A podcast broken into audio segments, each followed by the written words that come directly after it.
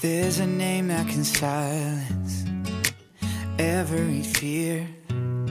There's a love that embraces the heartache, the pain and the tears. Through my faith and my doubting I know one thing for sure. His word is unfailing His promise secure. Todo va a estar bien Everything will be alright whole world's in his hands. Your whole world's in his hands. In the darkness and the trials He's faithful and he is true. The whole world's in his hands. Y todo va a estar bien Oh.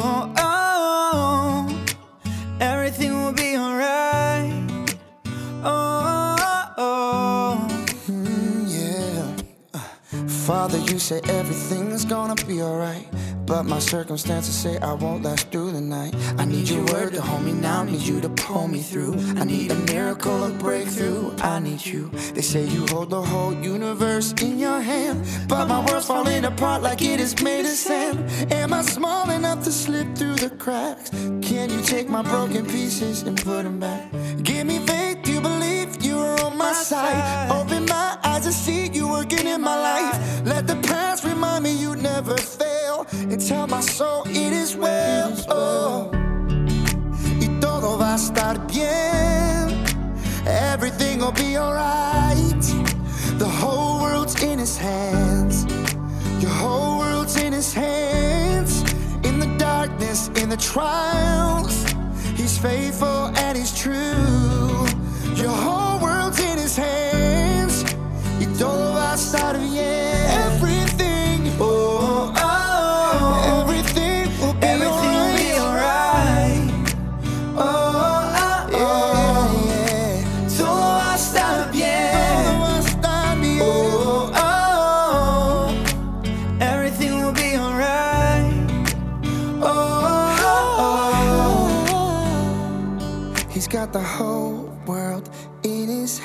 got the whole world in his hands. He's got the whole wide world in his hands.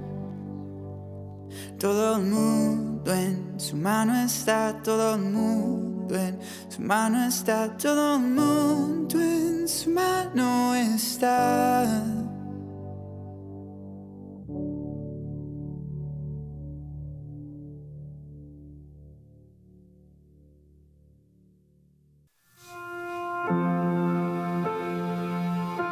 Hetta er Shay Kristlet Kringvarp.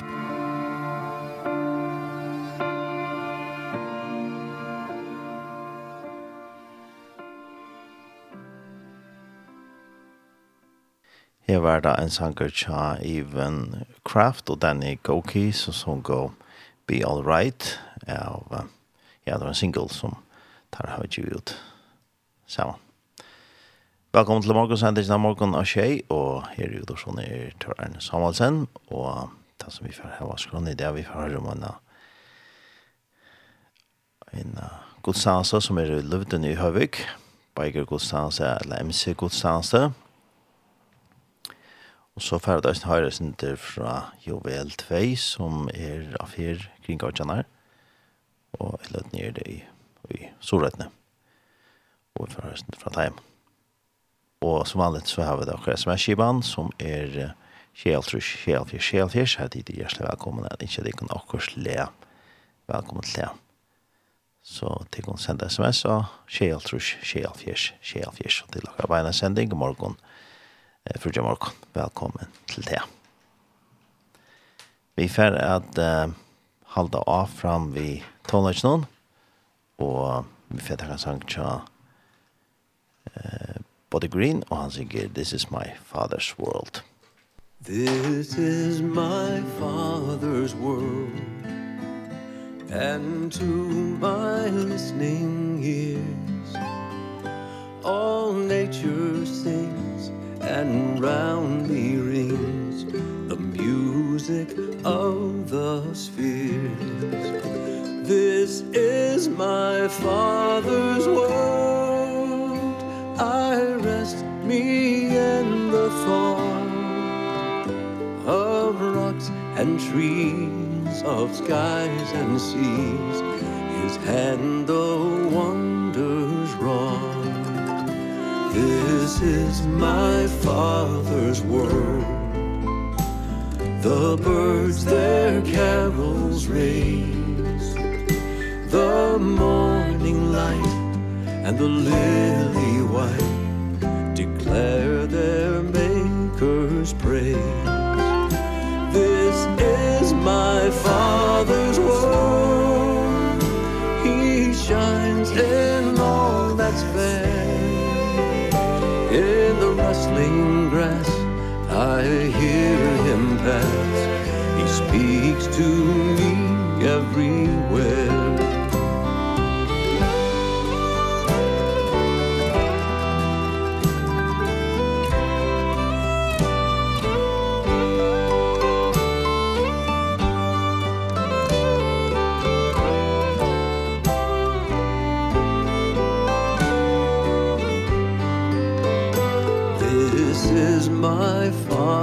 this world Oh, let me ne'er forget That though the wrong seems all so strong God is the root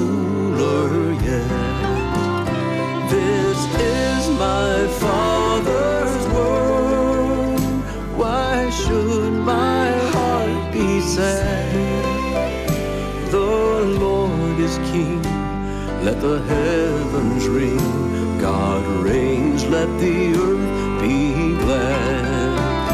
This is my father's word.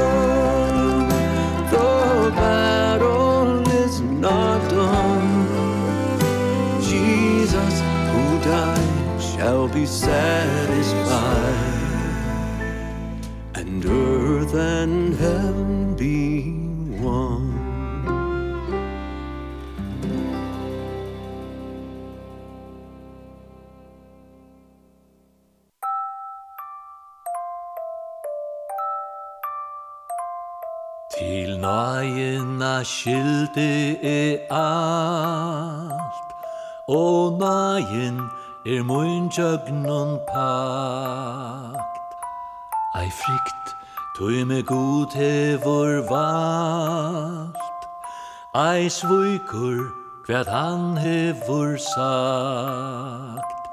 Bann av eine brottnare lov Ei langur mer koma kan nær Tu Jesus er lutne og blå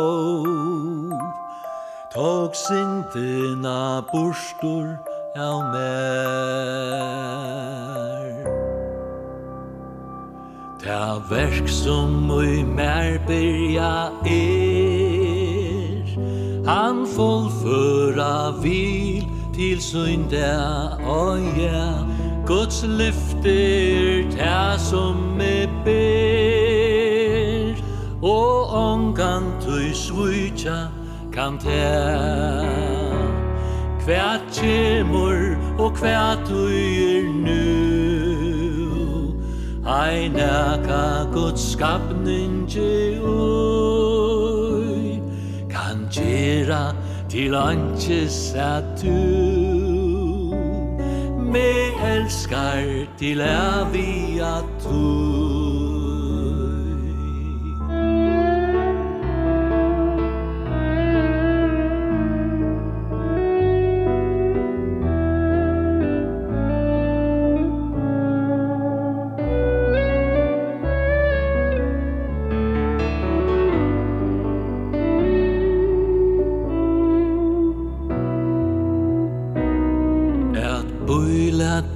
Der ui hans hånd Ei even sjål burstaka kan Å nei, ei neka kan sluta te bond Som binda hans bror til han Ja, han som elskar i fyr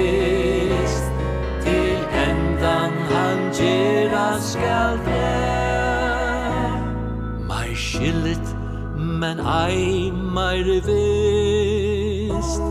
Ta verur her oppe hinde Ja, han som jeg elskar i fyrst. Til endan han gjerra skal til men ei meir vist Ta verur her oppe inde Ta verur her oppe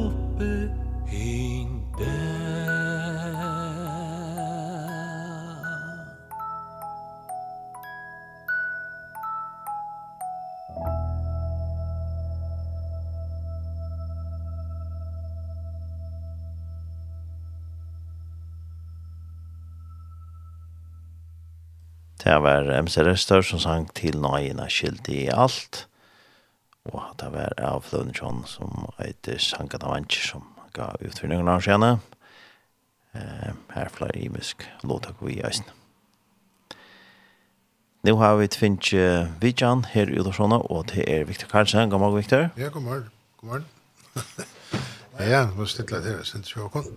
Ja, så nice. Så ja, og det som vi har prata syndrom, det er motorsykler. Ja, det er jo et kvart at det kommer, og nå er det som man sier, uh, årstøyen til viltar. Ja, vekker blir bedre. Ja, vekker battnar, det er en lunchast. og ja, ja, ta ta busch höve till allt möjligt alltså bäj jag köra när i fargen, och ikke minst det sen när kvar utan han ska köra så och byrjanen er langt sett i gang, altså flaggdagen, da er det jo for ettersekver som alltid eier tanndagen på seg av. Uh -huh. Og så kommer det imiske tiltøysene, og mitt landet det her som heter MC-kostjenest, det har vi haft nu i 17-15 år. Ja.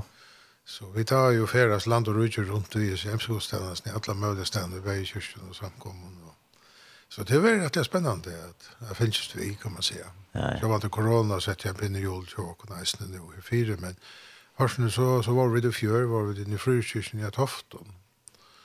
Så ja men det er, ja ja det kom gång då at. det er alltid alltid tider. Ja. Ja, det är gott. Men det är um, ganska såna neck ja bei män och kvinnor som låter gå i snära. Å ja. å ja, det er det ju. Det är virkelig blanda. Så han er mest menn, altså. Og ikke der å si, eisne, vi er ikke for en rettelig boende menn, eisne, altså. Ja.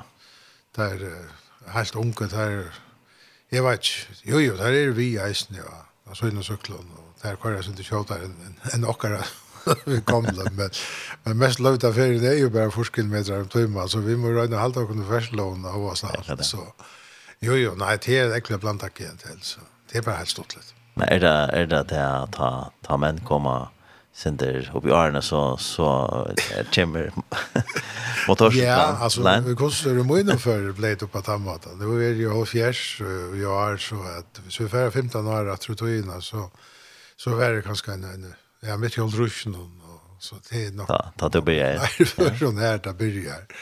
Men uh, allugavel, så vet har vi egentlig stått litt, og det har vært gjevende for meg, eisen som person, og Ja, ja. At det blei som det blei, det er så en søver for seg. Det skulle vi jo helt at til sendingene i utvarten som vi gjør til sånn her, tror jeg. Og, og det er noe som det man kallar det research, altså det at du kannar etter og finner ut det av at dette her er nekka, dette blir til, og man kan gjøre såleis og såleis, og ting som man ikke visste er framan undan, som knapplega nu koma undan kæve og opplysa en om at særlig innanfyrir det kristelige omkvarvet, da vi nu tås av tannparsten. Ja. Kui akkurat motorsykler er. Da kom det jo opp vi som vi tjennest fra fyrre av Holy Riders. Og ikke bare at her, men det er jo en ørgrunne av, av øren kristelige klubben rundt omkring. Mm -hmm. Bæge. I Skandinavia og, og, og ja, heimsomfattende i eisene. Å, oh, ja, ja. Det er ja. nekv, nekv. Helt nekv. Ja. ja. Ja, og, og så blir jeg det så bare til at det var MC Gustafsson. Ja, ta ta. Det var fel då, ja. Som jeg har sagt ofta när men då var så vel, eisen jeg kunne se att spärkan i et nytt lente alltså er det ju inte rätt vast det kommer på undan. Og at det är ju överhuvud til. Og, men jeg har alltid helt lys i akkurat notat ångsten om att det ser klubbarna och ta någon bakom London och ta någon bakom. Här var skipa för slut och hem så kostnast så. Jeg husker jeg lærte å røyne til her før jo næsten. Den første kyrkjen som vi vidtja av å det var jo til vestkyrkjen. Og det ble gjerne nok sånn ekkert. Jeg minnes det var enda 18. februar det her året. Jeg vet, jeg mener det var 2004. Og det er jo rettelig tullje på året. Det var kæva da og kaldt er i fargen, rettelig. Så nå er vi så flott da, hvordan vi fra februarmann, og nå er vi ute i april-mai, så nå ligger det sånn til bedre i alt. Men man visste ikke bedre, man helt at det gikk og Det var vaterkav, slettinger og alt mulig. Den, den leier deg da vi går til Kotlafyr til Havnar, det minst. Ja. ja. Men det var, det var byrjanen, og vi enda så videre vi Kristianskirken i Klaksvik, vi da Ja, ja, det er nesten ikke til å nevne alle støyene vi da vidtjøs i 15 år. årene. Var det imsk åttjør? Ja, å, ja, ja. Imsk åttjør, ja. Ja, ja, det ene året var vi så sur, og denne, MC stendast jo Vokskyrk og videre som frelsner her, den er reisen i Ødjan Heiland, det er vekkere var fantastisk og godt å være. Så helt ene standande det var. Og vi da var Ebenezer i havn, vi da var frelsner her, nå vi da var katolske kyrkene, vi da var i Nebo og Tofton, vi da var i Kjeltene, vi da var i Elems Høltafyrre, og ja, det kunne bli vi. Ja, ja, alle møtes. Alle møtes, ja. Ja, ja. Og nå sendes så... Um, tar ja, nu, nu blev det luften till att uh, luften är ju ett pura nytt uh, hölier samkommer är i, i havn och jag sporde på en av en lastlen här uppe om, om det kunde vara också inte jag vet kunde land luften har till så lite som är här ja. och det var jag på en av vägen ja. så här var inte jag först och, och jag har så arbetat vidare vid tanken här och eh uh, fanns det att uh, jag kom vid borstad akkurat här jag kom sen. Så han bär sig undan tyvärr, men annars är han gärna vilja. Men det blev så absolut en åker steg fyr. Mm -hmm. Så, och han har varit vi och fyr, han har nämligen vi och in i Elm och Sölda fyr. Där är han, det är dock nervösare i snitt. Ja, ja. Kör rätt, eller det kör på sig, tror jag. Det här var verkligen jävligt spännande i snitt. men uh, det var så absolut som kommer att hälla till oss. Mm -hmm.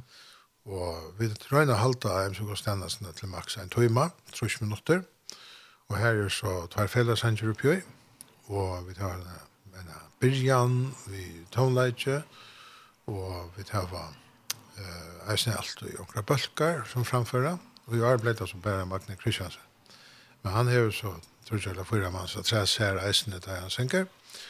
og det var trutje sanger, så det var finnes det slag. Ja. Jeg lovar i Magne nemlig senast at han skulle sleppa det nastfär. Det gör han nog på just bättre efter. Ja, ja. Jo, och det blir klockan? Det blir klockan sju. Klockan sju. Men vi gör att här att uh, motorcyklister, vi vill gärna släppa köra sen till reisen. Det är där vi är, att var fri och så vidare, så vidare. Och så var det väckre i reisen en pers. av och till samtidigt jag spelade någon så nu var vi som det att, att vi var vi vid att gå Men vi uh, i år brøyder vi da lydsenter på oppmøtingen. Det vanlige har vi alltid brukt makt eller FO-støyer rundt omkring hva vi kunne samles. Ja. Men nu er det så at uh, MC-fæløyene, altså hvordan her i havn, altså Harald Davidson og uh, Ferja MC, han var jo finnes jo hver for klubbhølde i gamla velbastaveien som vi kallar. Det heter gamle velbastavever. Ja. Bare i av uh, uh, Ja, Wenzel heter det. Ja, Wenzel, ja. Det var ikke her ute nye netter. Nye mot krossen, som vi kallar han. Akkurat. Ja. Så her er størst parkeringshøyde utenfor og går omstøver, og her er sikkert også godt en kaffe og annet godt prat, og her vi byrja køringene sjølva. Så vi har alt vel til å møte her klokkan 8. Så jeg sa vi kan få strekt beinene og prata sender og Arne, vi byrja køringene klokkan 2. Og vi er vekkert til Vildar, så gjør vi den. Jeg synes langere tur, vi kommer køyra rundt og fer en tur etter Åtjøven. Mm. Och komma så runt. innemennene fra inn til Lutna. Ja. Og her er gåvar eisne. Eisne er ser gåvar om parkeringsomstøver til okkara. Og her kommer det en person eller bare et færre at da jeg kunne inn og øde så, så vi får sett syklene ved. Ja, ja. Så vi kunne være her i gåvar tog, og enda blir som sagt klokkan tog. Ja. ja. Og god snakk ved Man hade det er en sån tur. Jo, faktiskt det är väl äckliga, ja, jeg vill säga. Det er alltid stor av og fyrir å være vi. Og jeg vet ikke om jeg, jeg bruker forstørrelse rundt det, men, men jeg stemmer til fors og hundra søkker jeg ofte være. Ja. ja. Det er her alle vi tar seg. Ja, og kommer det i Vestre Havn, eller kommer det i... Det kommer alle møy å stemme fra. Ja? ja, ja, ja. Vi har ofte gjort det så alle sier at, at hvis norringene kommer på, så, så møtes det her ångten i Gøtedeler, vi tar som kommer inn i Estrøytene. Ja. Etter at det er ferdig norskala, det er eisen til. Og så kører det alle veien så. Det var om kommer nærkere reisende. Så ja, ja, det er lukket som en sort meeting point, kan man säga. Ja. Så møtes vi så alle. Vi hesfer, som sagt, ut i gamla Velbestadvei. Ja. Ja. Det är så alltid der. Och, ja. och, och kunna være ferdig så här en tur. Och sen ute, eh, ja, ferdig om Torslöv så här. Och njuta naturen. Ja, det är ju en stor parster av uh, MC Løyven, kan man säga, motorsykle Løyven man häver. Det er att man uh, socialt mötes rättliga nekvastäner och och eisnet här med förnåta naturen at du du du mäster vinden, du mäster lukten, du mäster ah, det här Det är näka. Det är det där samma som hästar men dem så Ja. Og, og så vidare så vidare ja. ja. Så uh, men det är han fällskänslan som som ofta kommer opp, at, at dette får vi virkelig av noe, det er stått litt og godt. Ja. Ja. Allt. Och det är snett öliga godt uh, vinale är som jeg har konsert fallt. Mm -hmm. Ser väl mot och bästa förståelse och allt det vi kan ju på finaste finaste mat att hemma se att det är sehr charmant. Ja.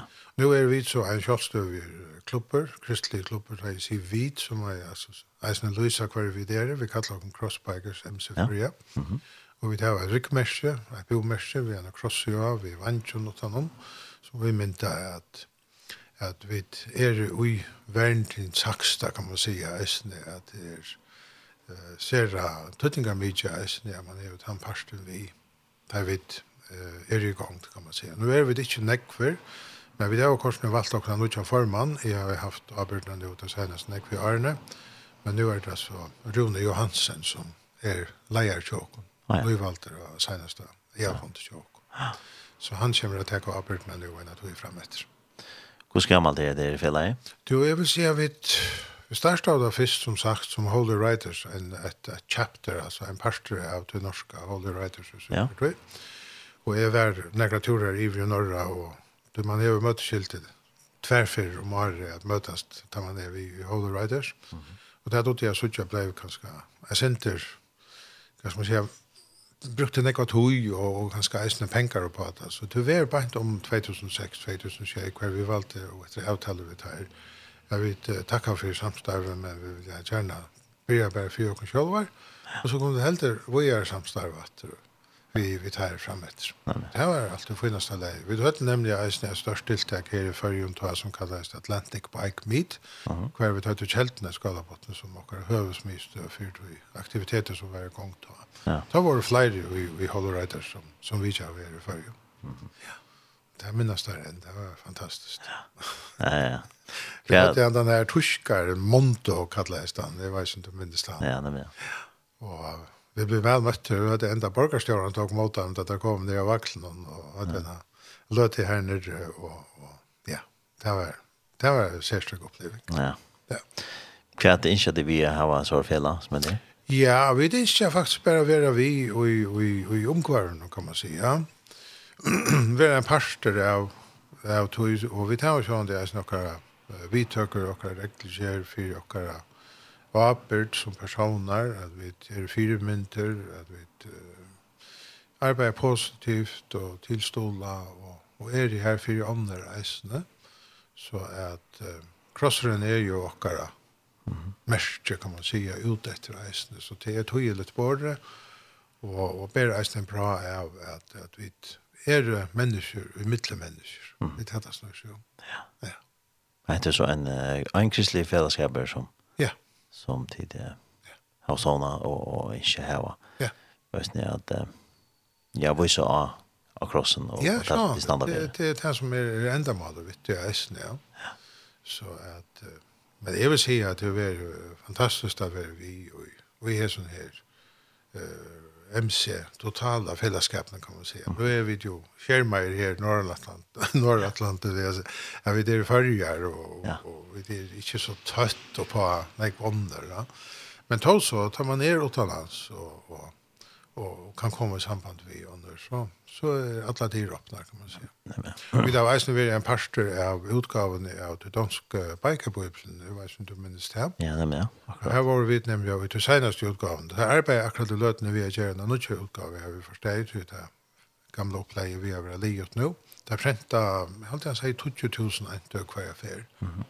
Så nå arbeider vi å gjøre en nytt utgave.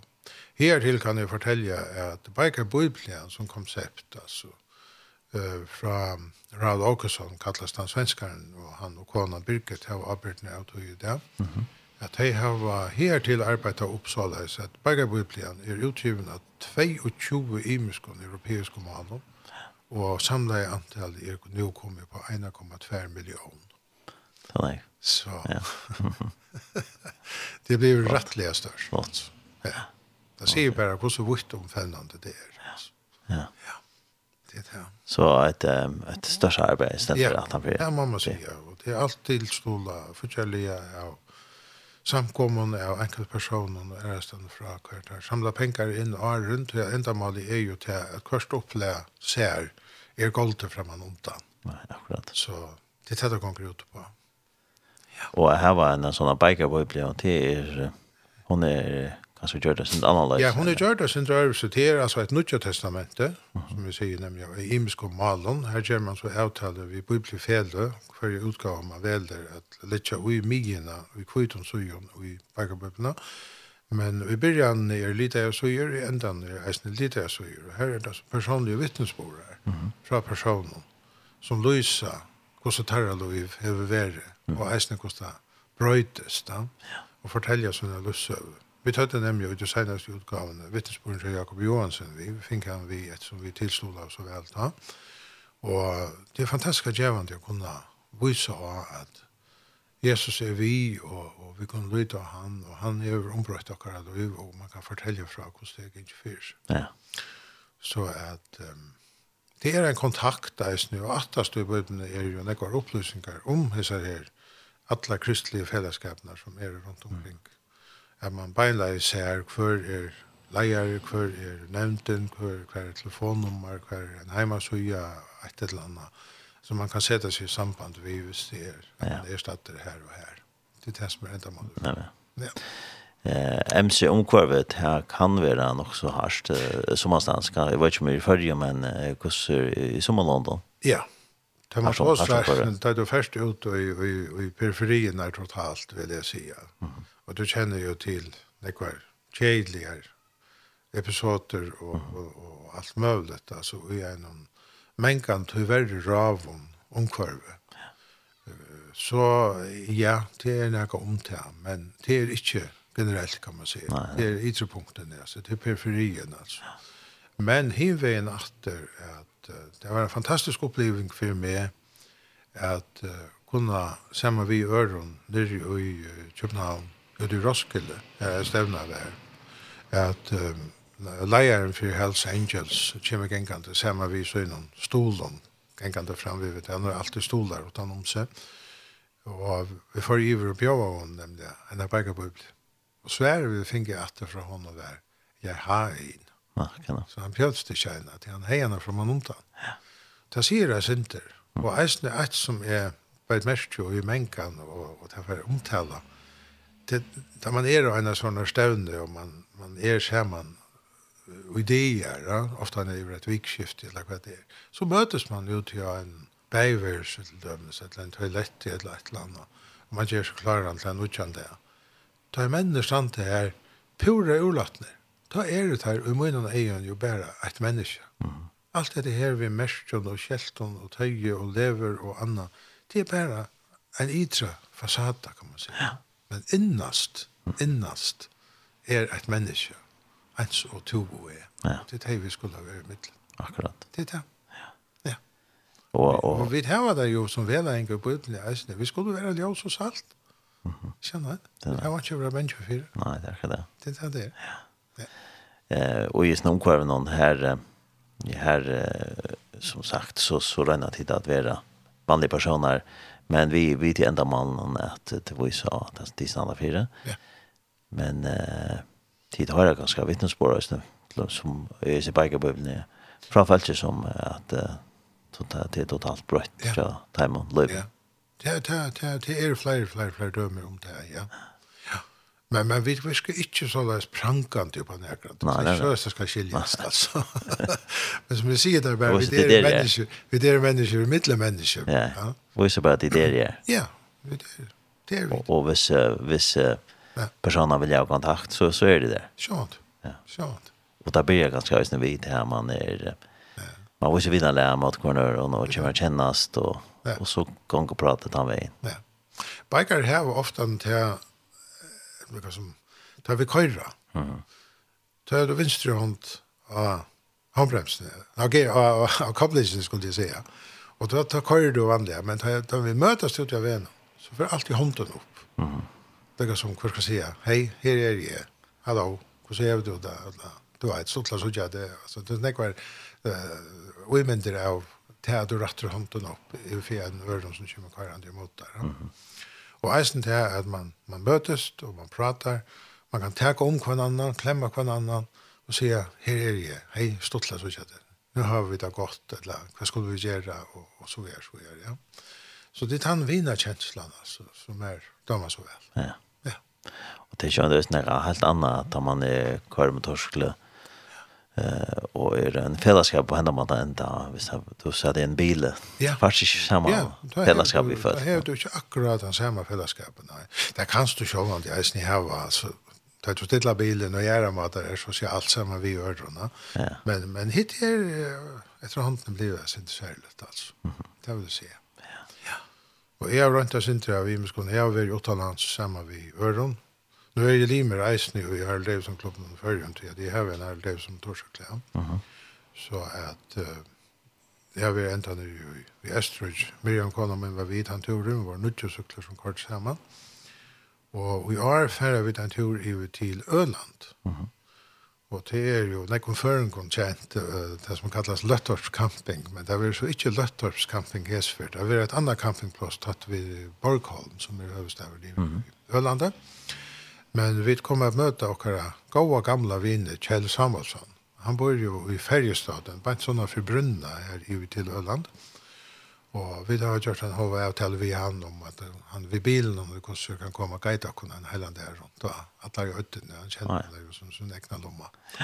Så att uh, Kjell är ju en gammal färjavinner vid Samuelssons det Sunnartorgs. Här har vi ett, han är fortsatt gammal i det. Men still going strong. Still going strong. Ja, ja. Så det er bare stått litt. Det är bara stått ståtligt å møte gamle vin og natter. Ja, ja, ja. ja. Det er det. Det er det. Men det er bare en par tre av det hit er så så. Men det er det så kallet uh, super rally kallas det. Okej. Okay. Det är stävna som vi färrar till. Det var vant en en 20000 folk också. Ja. De mötas där ett helt vikskift. Ja. Det är det. Det är stort att uh, bare rundt så snart og, og oppleve alt mulig. Ja. Hur ser uh, nu oljeprisen för uppe till för är det men det kvar det går. Nej.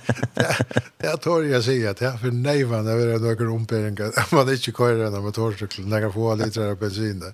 Det. Det må man kunna klara det är allt. Så så nej kvar det inte. Nej. Nej, nej, nej, fattla det. Det är det så hugg. Hugg och karinga. Bara hon. Ja, absolut. Absolut. Och det är det nog runt oss när runt allt färger. Alltså det är det runt färgerna. Bant efter hetta vikskifte som vi nu har MC konstanterna. Nästa vikskifte tar vi det så kallade MC boogie som det kallar det. Och det är alla MC fällen i Eisne samman om så jag så vi kör avtal om köring från Völlen här ute stadväck ute vid Völpasta vägen. Mm. Och så blev det vi kör från festivaler. Nu är det bara festivalen Tofton som nog blir en pastor av tog turen och Eisne. Och om kvällte var så kipa fyra grillparty och så var det snällt alt etter kjønn. Okay. Og så vekker vi er vånande det. Men um, det er eisen et, et rettelig størst tiltak som MC-fellene i Førjen standa sammen om. MC Boogie Ja. Så det her kan jeg godt her vi eisen kjønn. Det blir har høre velkommen vi til til där Ja, ja. Ja, ja. Det har var en fin tur. Ja. Men det er jo nekvfellene kring landet, ja? Det er nekvfellene, ja. Det er uh, Estrøyden jeg har vært etter EMC, altså Estrøyden EMC-fella. Der har vi egen høl nere ved Kajøtje her av Hofto. Og så har vi et uh, førre MC, som det er kallet her, og så har vi et Arle Davidson, hdc.fo, som det heter.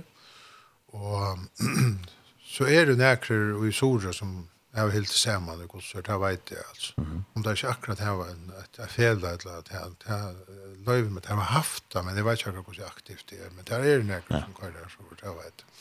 Så vi er spjattere, synes jeg, rundt i, i førre. Ja. Og, og det er ikke bare eisen i 4-8-landsferien, og vi er slet, jeg vet jeg, EMC har vært i Danmark alltid tror jeg, senast en kvart år. Så, og nå færer vi som sagt til Sverige i år.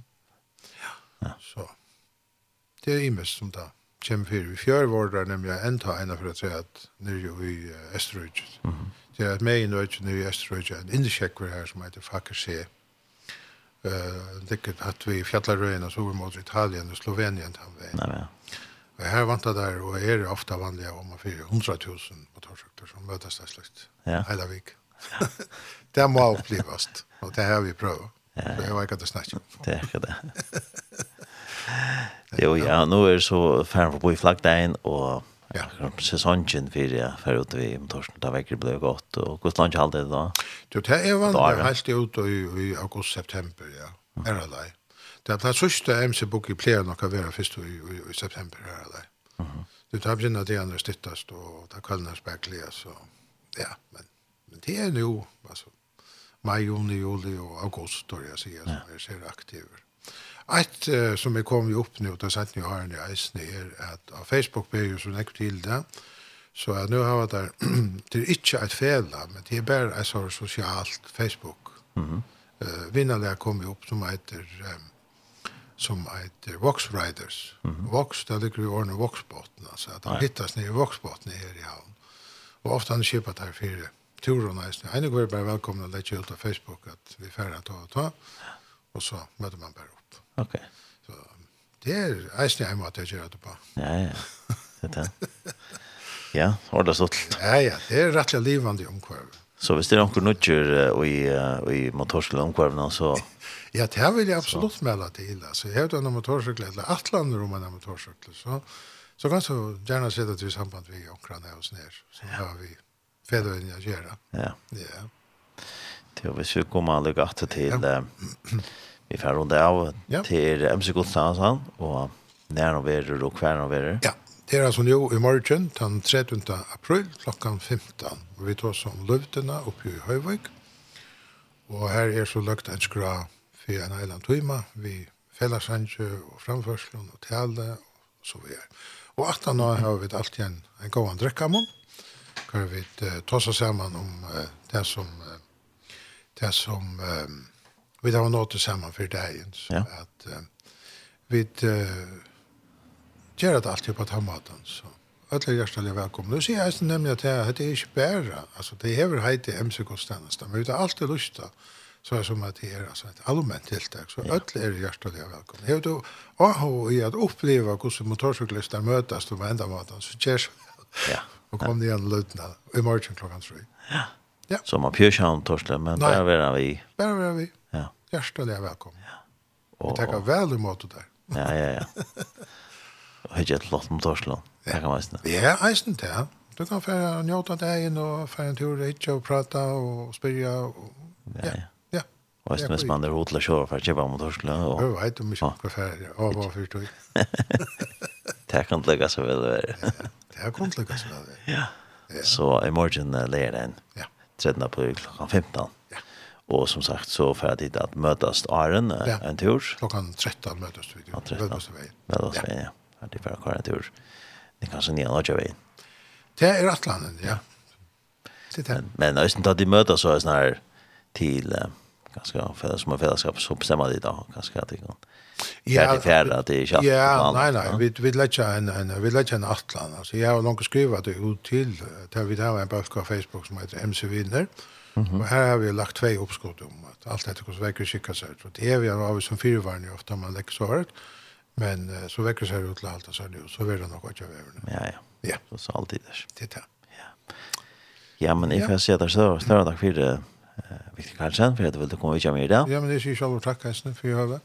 Ja. Og fint, for jeg ikke det kunne alt det beste. Ja, for å høre makkene, synes jeg kanskje. Ja, det hadde jeg. Og det er litt sånn forskmakk på dagen i morgen. Det hadde jeg. Og nå vet jeg ikke hva Sanger han var, synes jeg, men han er jo alltid nekvar Sanger i ermene til at spille, synes jeg. Ja, det er størst jeg fikk lov til å være vidt til første utgavene som vakna. Det var en stor opplevelse for meg. Ja.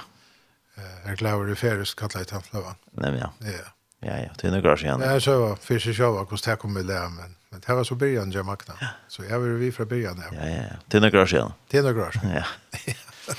han hever en sanger som heter Han hever valde, så vi får høre han. Så takk for at du kom. Ja, så takk. Victor. Jeg vil gå med det. Takk så mye.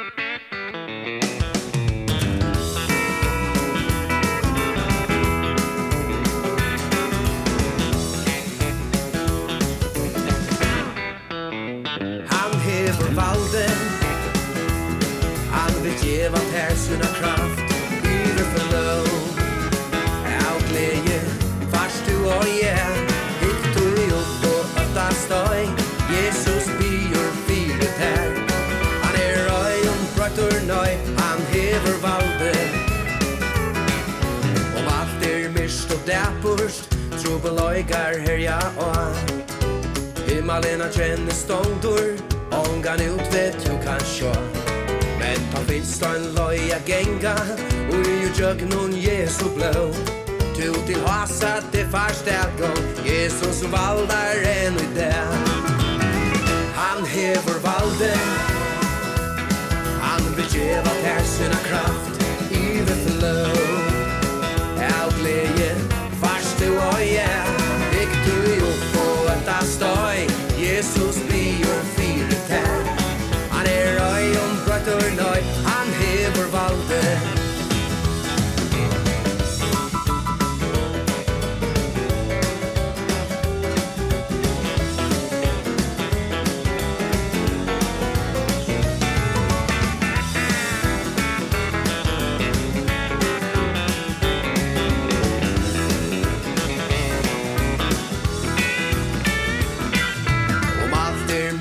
dæpurst Trubelaikar herja og har kjenne ståndur Om den utved du kan sjå. Men ta finst en loja genga Ui tjøk nun Jesu blå. Konga konga harri harra Og han valdar her i den. Han hever valde Han vil djeva ter sina kraft Ivet for blå Av gled og jeg Ikk du opp og etta støy. Jesus bier fire tær. Han er røy om brøttur nøy Han hever valde Han hever valde Han vil gjeva kraft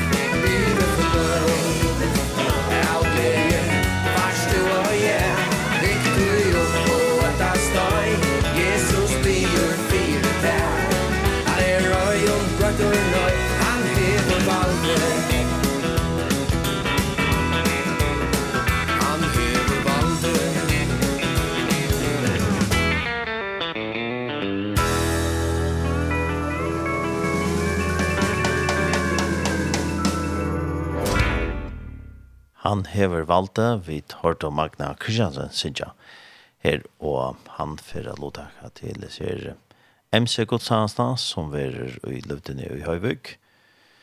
I morgen leir den 13. april klokkan 15 og ja, han fra Sidja sa i Bøltsjø. Og så fyrir Absalon Ågar Østene Havana Tale og ja, fellasanker fyrir Østene Askron. Det er et alle tiltak som det her var. Så av hver nær. Vi tver har en sang at sett, Kja Magna, og sangen her som vi får lyst til, og etter ferd her en tur, og til er en sanger som uh, Martin Johansen har gjort, år og lætel. Så han har det til. Musikk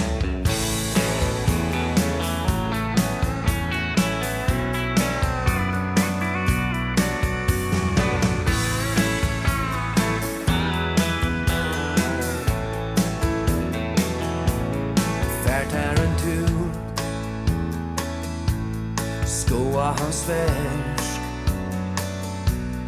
Gifter himmel Iver grøn og fjadla loj. Blåma orst Solen så stersk Fittle heja tutt Allt skapte han till tunn Tess moira i suttje i undrest Iver vestje rugg Hav og himen akta Minsta boi tutt Jo moira i høyre moira tatje Fyre luive mutt Fyre foglasa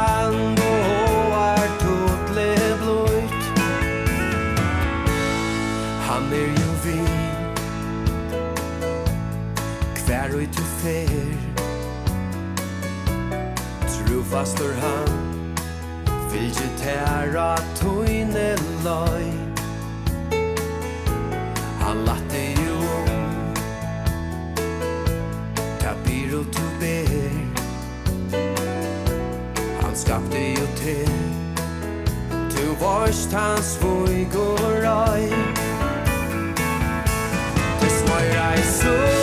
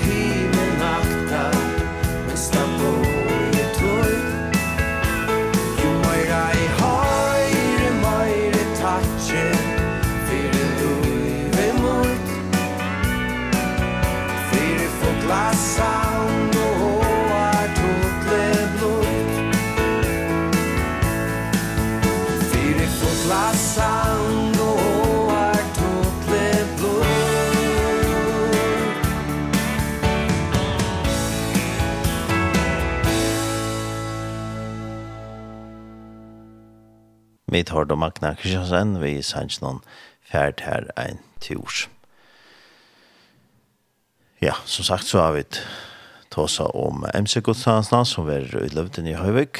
I morgen er den 13. april klokkan 15 og alle hjertelig velkommen til det her. Eh, selv om man er kjøver en motorsykkele, så er man velkommen å komme til Sergodstansna likevel. Og det er Crossbikers eh, Crossbaggers følger som skibar fire kjegodsnansene. Og det er uh, Magne Kristiansen som kommer at uh, Lodeka vi bølge, Nær Sanger, og så for Absalon og Åger og Sni at uh, tala, og så var det fellessanger og skrone. Så vil det møtast uh, klan 1 eh, til MC-høllene, det var det var sønnen, Og så får jeg kvar en tur Arren, og Arne møtast. Og i løvdene. Og så han det heter fire. Og sånn er ødel. Det er som Karam Torskle, og så han det er sånn ødel Som, ja, men det er jo av fire, fire med Torskle, det er ikke, det er, det er ikke problem vi tog i, det er, man bare kan møte opp alle gal.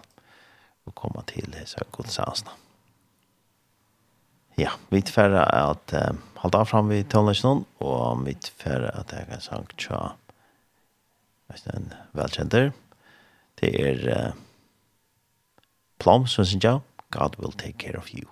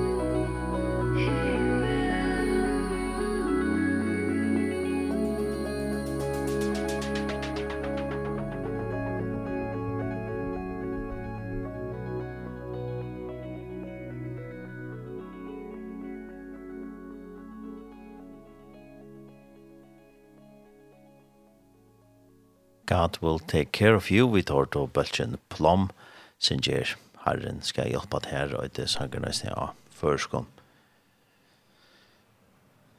Og vi tar sms-skipene som er virkjen, og åpen og her er velkommen at skrive inn til. Hvis det ikke er kort lærende om morgenen, så er du velkommen at sende et sms av 6 5 6 5 6 5 6 Sjæl, tror sjæl, fjær, sjæl, fjær, er sms-nummer til åkken. Så skal jeg vite om vi ikke klarer å finne Sanchez som det ikke er. Velkommen til det. Nå får jeg vite at høyre et prat, og det er teg av Brunne i Skalavik. Det er en etterskole i Skalavik. Fyre tøtjende flokksnæminger. Og vi da her har av tjej har haft. Vi Jan av Timon när man går var eh ja der har vi det är några veckor sedan där var det och hade nærmere. Og det har også gjort ett podcast. Er det greit fra skolan og hade ta mig gänga skolan i Sanna så jag aldrig för lust ett tog till Annika Björsk och Markus som pratar och så är det Erika som är lärare för skolan som eh vad ni vi ni pratar så därför att då sätter ni upp All right. Hallo her ur Skalavik. Solen skinner, vekkri er godt, og døren er nesten lever. Men her sitter vi, Annika, Bjørsk, Erika og Marskos. Yay! Vi sitter her i en myrskonrumme, men det er helt alright. Ja, man styrir. Yes. Ja. Tid, skal man fra skola? Ja. Yes. Ja. Hva er det beste vi kan skola? Det er vin, eller folkene, og man får nekva viner, nekva folk å kjenne. Cool. Annika? Um, Mæteren er rærlig gøyver. Ehm därför Marcus Kristine ja. Ehm men jag fann kan imska mat och såna mat. Han tog mycket bättre så chicken nuggets, burger så men nästan det sult för jag och gott för jag. Kör han? Det är Cedric. Wey! Han är också en kocker. Ja. He's a French. He's a French. Ja, oui oui oui oui oui. Marcus kan det du gott i Eskola? Ehm gott i Eskola till folken man möter. Eh mätaren. Och ja. Falskene og matteren, det er stink. Matteren skal vise noe morgen, men... Nei, jeg vet ja, det er ordentlig stått litt. Man kommer like mye med ta sånn ekv, man er nok så introvert, så kommer man sånn ekv, jeg kjenner den ekv til at man blir som en familie. Stam. Akkurat. Hvordan er det flyttet hjemme fra foreldre? Så mye Men det er ok, ja? Man flytter hjemme i vikskiftet. Ja. Ja.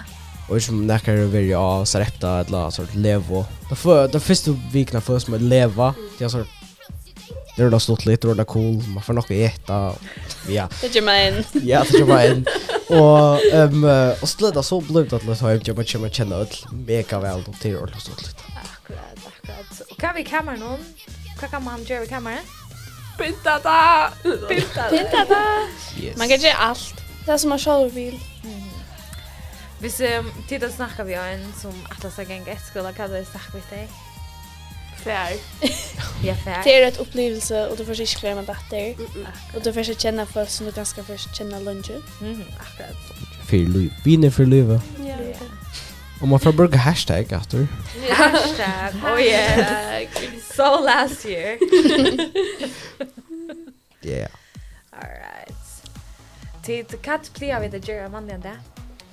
börjar vi morgonmöte mm. och så har vi ett andakt för morgon. Ehm och så ska vi till skolan. Eller så gänga vi tur. oh yes. Där glömmer vi kurs. Men så ska vi till skolan. Ja. Ja. Och så att när skolan så har vi ett sån AH-fack. Ja. Så vi kan välja så man där är det klockan mock. Ja. Mät. Torsdag är det, kan det vara tonlöjk och skandis.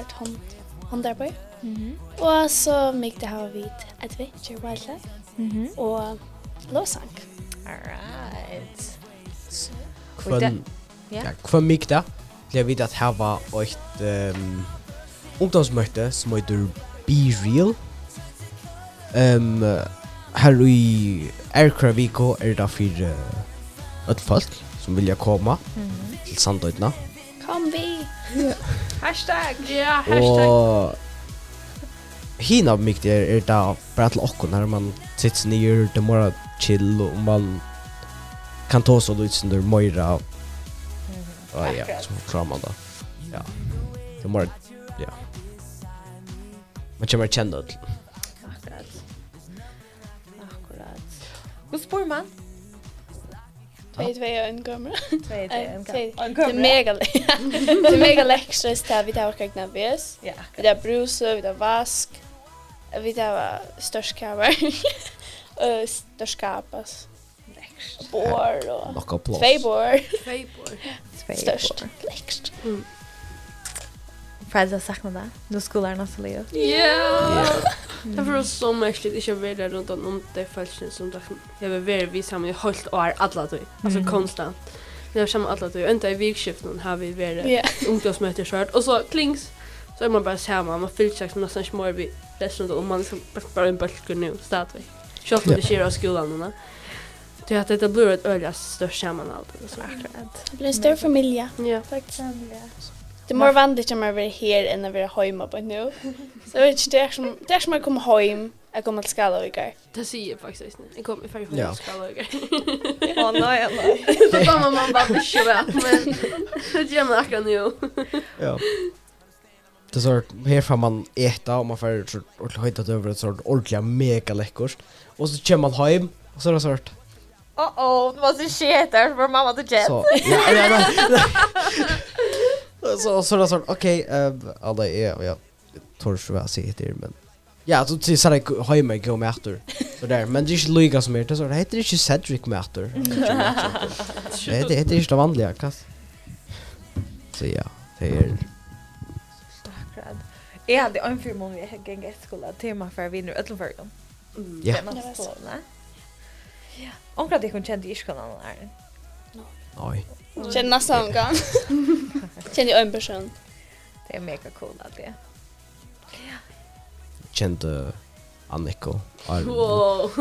Vi da kan ikke flott sammen i nå tutsi år. Nå tutsi år. Cool er det. Kom med skola. Kom med skola, ja. Nu är man lite lätt för folk och en cedric med. För pork. Pork, grus och kött. Grus och kött, ja ja. Och hmm. Blir vi det gör onkel ting, onkel andra ting av bergingsskola. Ja. Ja, det är ju en like fruit. Ehm här vi gela allt med det man gör. Ehm, vi kör där jag nek. För att låna. Kan du låna? Det är handlen skåpen. Gratis reklama är. Ja, handeln. Och handlen skåpen som heter lånen. Här brukar vi jävla negator. Och kursen i santen. Och kursen i santen är öppna. Det brukar det också negator. Ja, här är sån handel eller och handel eller FK eller näkvis Skalavik så tattas det är gara maskina Vi är där en kiosk. Vi är en kiosk. Det är älskar biltur. Ja, älskar bilder. Älskar bilder. Så stort lite. Det är så hyggligt. Det är där som stör bilar. Är det buss? Mycket buss, ja. Det visar vi chaufförer någon. Minibuss. Ehm, det är mega hyggligt och man vet inte man blir sin takter. Man jammar bilen. Och så får man det väl att jamma. Ja, ja, ja. Vi färdas ofta i main skola. Main hotline. Main hotline, ja. Ja, och spela Vi där sörste vi har det spelat i badminton. Var det sån fotbollter och det är allt alltså till en höll. Kajakka, det är Åh, det är så skit. Det är vi det för. Det är såna vattrakter. Där blir det. Och cykel, mountainbikes. Ja. Så det där där kan man så hvis man så ah, ska jag för cykeltur vid där fritid nu så så okej. Skriver man på whiteboard se if are you så kommer telefonnummeret så och så så får man bara ut och så Alla delt. Ja. Men tid, faktiskt har vi inte fortalt dig om det här, vi får fortälla det när var ute. Men 13. april blir det en race där vi har brunne. Här så man kan melda ett liv till, man kan melda fyra till. Och det är för öll ung, mellan 16 och 18. Så kan melda ett liv till, så får man ha kappas, nog så fysiskt. Så man kan melda ett liv till av hemmasiden i Tjockon. Mm Og så kan man komme her, og så blir det mega cool vinninger. og så et liv for liksom at vinna, ta i, uh, og ta vi ut om kvöld. Så vi får gjøre sort, et a race av sante, og så kommer man her, og så kan man kjøpe seg edda. Og så blir det et så størst ungdomsmøte her som vinneren blir avtugget. Det är så skål. Det är mega mega nice. Och det är en god chans för folk som ganska huxat färra ett skolan. Precis att komma och hitcha runt och ganska Och vi vi så sig krös runt. Ja. Vi kommer så länge. Oh yes. Så vi så Det Vi allt för rundvisning. Och hvis man omoxar, åh, oh, här är jag mega cool, ett skån skalvig, så kan man alltid rinja till lockon, att 221, 221, eller skriva till lockon, att info kolla brickven, så kan man komma vid till lockon. Och just nu, visst, ja, man helt att, och kanske är det ju med kom så, så, ja, förstå? Vad tid? Ska vi få folk med? Ja, yeah. yeah, svänger. All right. Tack för att du lyssnade. Yes. Vi tar rast. Yes. Oh, come on my soul. Oh, don't you get shy on me. Lift up your song.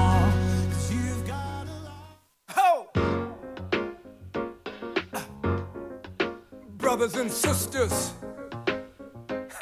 want to welcome you back to life.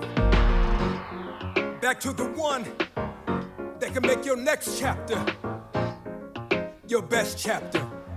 Hallelujah. How can it be?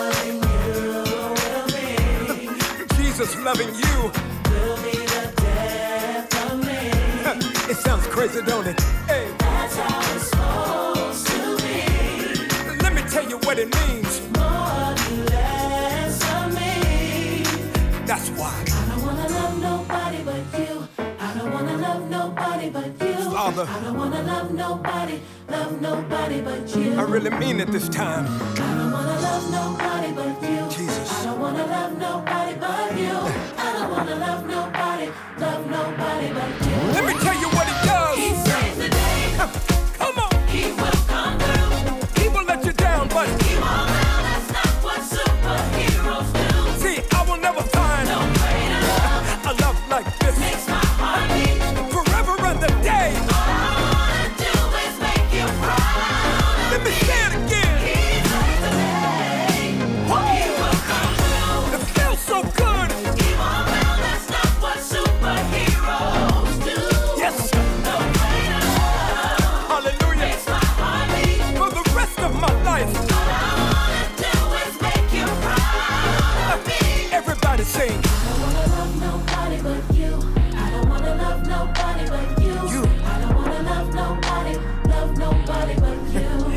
the Savior. I don't wanna love nobody but you. I don't wanna love nobody but you. Yes. I don't wanna love nobody, love nobody but you. Vi tar då Love Theory, vi uh, ja, sangen kallas Love Theory, og det var Kirk Franklin som sang her, og Arnt har hørte vi et, uh, et prat som uh, Erika, som er leiere for skolen Brikvind Skalavik. Hei, og og Erika Vinter Trond. Og han pratet vi Annike, Bjørsk og Markus. Det var sindrom skolan og hva det gjør en sånn skola. Det er en skole, en etterskole som er i Skalavik som er fire tøgjende floksen nærmere. Det er en kristen etterskole. Og så nevnte jeg at uh, de har vært tiltak i morgen. Lærer den 13. april. Fun Challenge, kallar det det. Og uh, heima og synes at heima stender og lysen om det. At uh, det er fire. Fire ung. Og her var det stått sammen og kappast. Og så kan man vinne akkurat en vinning. Det er fra klokken 15 til 16 av Fun Challenger. Og og så klokkan 16 til 22 har det basar. Her har alltid det selje imest. Og så klokkan 19 til 23 er det ungdomsmøte. Og så sier det at uh, bussar kører ur skåpen klokkan 13.05 kjør det, og så atter ur Skalavik klokkan 22 hvis man ikke rett Uh, slipper vi baten og mat, slipper vi testan i rom, så kan man til. Og hvis man ikke er bare kunning om enda skolan, så kan man sette seg sammen med deg av 231, 231 i telefonnummer til dem. Ja. Vi tverre at uh, halda avram vi uh, tonlags nå, og tid som lustig, så er det velkommen at uh, skriv inn til dere av akkurat sms-nummer 231 Sjeltrus, Sjelfjers, Sjelfjers. Velkommen til det. Vi ikke det knokk til det. Vi ferdig har en sang tja Ja Magnus Kondrim, og han han hever en av single som han gav ut i 2019, her fem sanger i og han vet for at uh, det teka sanger som heter Jeg skal. Musikk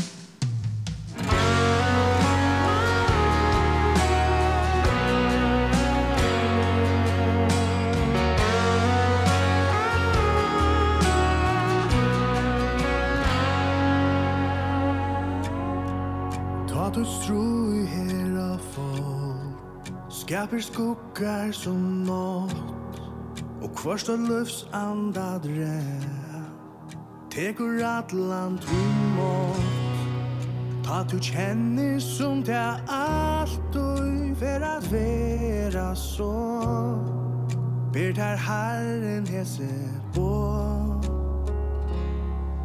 Jeg skal bera ta tu viknar til vi feir arme fast.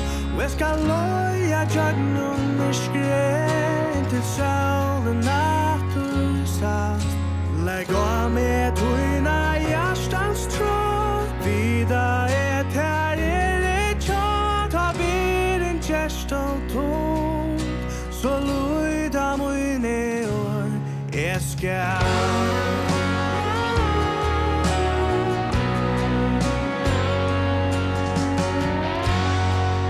Solar is a voi tu sarst Tuin der ui hørt is løyse star Men handan dan sjånar ingen ned Fyre der fram tui du i sjå Ta tu du kjenner void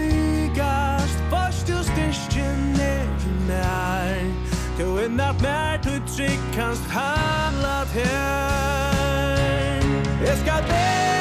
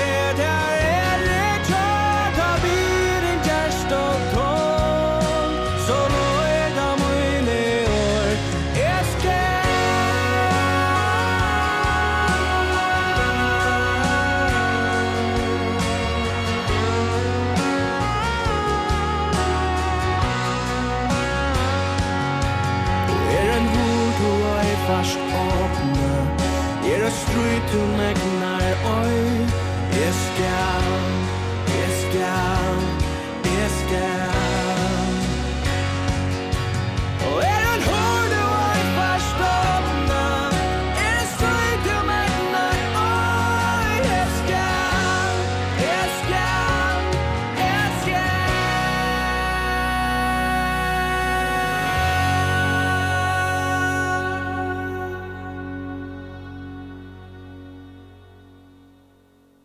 Det var jeg og Magnus Gunnrym som sang Sanchez som heter Eskjall. Og nå har vi er ringt til uh, Paljan Djuros. God morgen, Paljan. God morgen, Torarne. Velkommen. Takk for det, takk for det, du.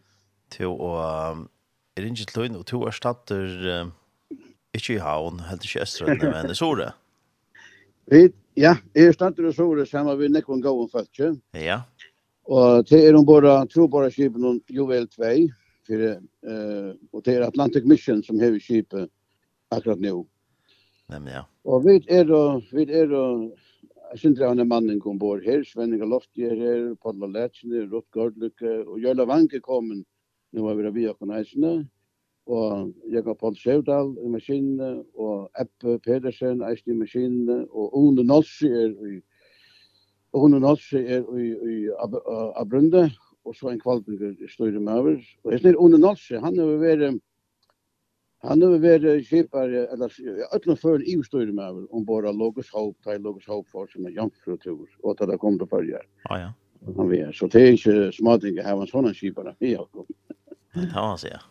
Ja, men nu er vi kommet, uh, jeg vet ikke om jeg skal si til, til, til, til endan, uh, vi starta av et vikeskifte, og nå er vi kommet til det 17. vikeskiftet til åkken. Ja, og tid, det er, det er en, ja. en, en ferie fra Atlantic Mission. Ja, det er det. Kring, ja. kring Odjanar, eller nekker Odjanar. Kring Odjanar, ja. Vi, uh, Atlantic Mission ble stående for nå noen år siden, jeg halte var i Etlova. Og den første ferien til åkken var gjort ned til Hetlands. Uh, missionsferie. Så gjerne har vi det ved, og det er egentlig den samme mannen i det store heila. Og eller i kurs jeg nevnte tar som den 18 for Atlantic Mission, men uh, oftan alltså skibare och maskinmän är oftan i mission. Men jag kan på skevtal är alltid som som som chiefer som man säger. Mhm. Uh -huh. Og vi da var i Hetlandet, og vi da var i Ørsknøtjen, og nå lå det som reit, men tanska det ikke vel, det skal være herrens ære. Mhm og Hybriden og Østnøysen og Skottland og Østlandet, Estlandet og Norra. Og... Så har vi eisen vært tver, tver fyrjaferer, eh, altså rundt i fyrjen. Mm -hmm. Det er den tredje fyrjaferien til åkken. Første fyrir vi var rundt i, i, i, i, i, det var, og det var eisen Sunnanfjørs, det var i 14, 2014. Det var yngste, vi, vi yngste gjerne sånn natur i fjør, men det la ikke fyre vi vegna, vegna korona.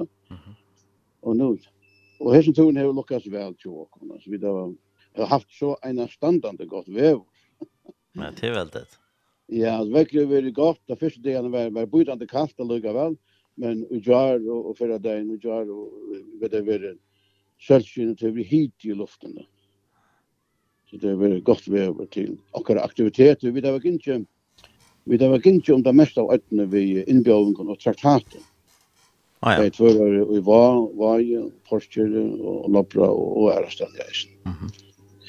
Så att till och kvar började det det så för nåt att det började i för för några dagar. Ja, Ja, senast senast frukja där, ta får vi av bosa tänka. Och klockan ta att mitt mitt där och får till beinläs till Nötsjär. Och här låg vi så tan tan där tan tan frukja där Og der kom fytta folk ombord, særlig var det mammer vi, vi bøttene, som kom ombord. Og vi hadde et, det må være første ferie man har haft et familjemøte, åttandora, eller som utemøte. Det hadde vi et uh, midt i bygden, eller her som uh, minnesværen Iver Ova Johansson stender.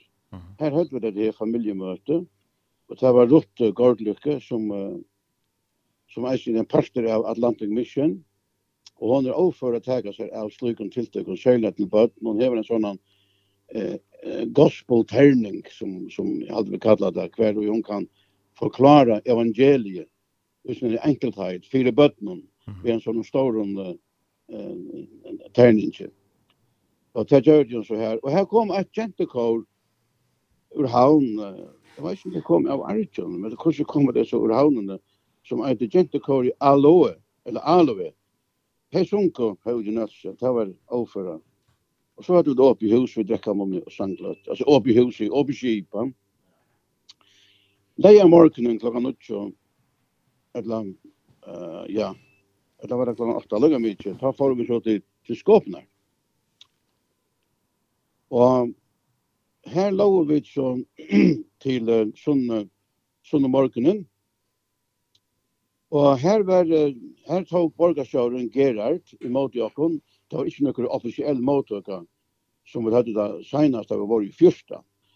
Men uh, han, han, var, han var her og han tog måte jokken, og, og kommunen hei bjør jokken uh, nian og i hølene til, tja visset skåpen til en av måttøy. Det heldig vi var avmøtelig pent gjørst av dem. Og, og, og her var en måte gjør til jokken, Og her blei forklara fyrir okkur tan, tan daman som hevur arbeid við visse skop og hon greit frá og, og gerar hei eisini at at at or at eller annet til okkum her. Og her høyde vi så, ja, møte, og, og vi høyde, ja, så høyde vi harra kvöld ombord, leia kvöld i skåpen klokkan åtta. Det var uh, ratteliga vel. Ja og det ble sunnje, og det ble, ble et år, et år. Og tåsa og vittna, ja, ja, det var, det var flere som hadde en vittnesbord, og det var avmetallige ahu og verst, ja. Var det også menn som kom i Miskastand ja. for røttene? Ja, ja, det kom alle sanne fra, ja. Kanskje, kanskje særlig ur av Sandi og, og, og, og skåpen, kanskje særlig skåpen, ja. Det var, det var, det var fullt skip, fullt skip vi, vi, vi, vi sandt øyenkom heima, heimastandsmannen, skåpningen og, og øreneisen. Nei.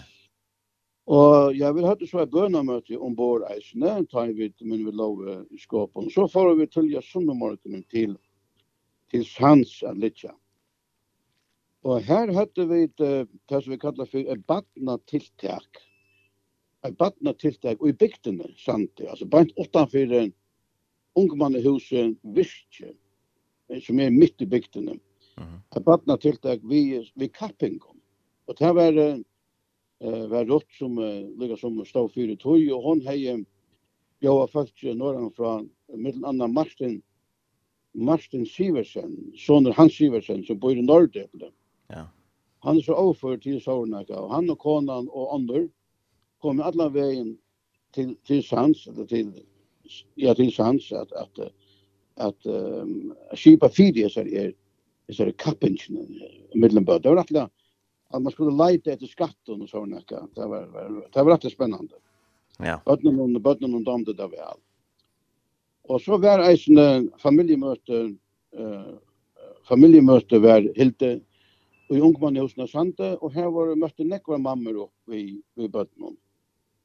Och och så där så. Och och en lätt måste blev isen serverad i hessum samband. Og så var åpig skip atter om kvöld.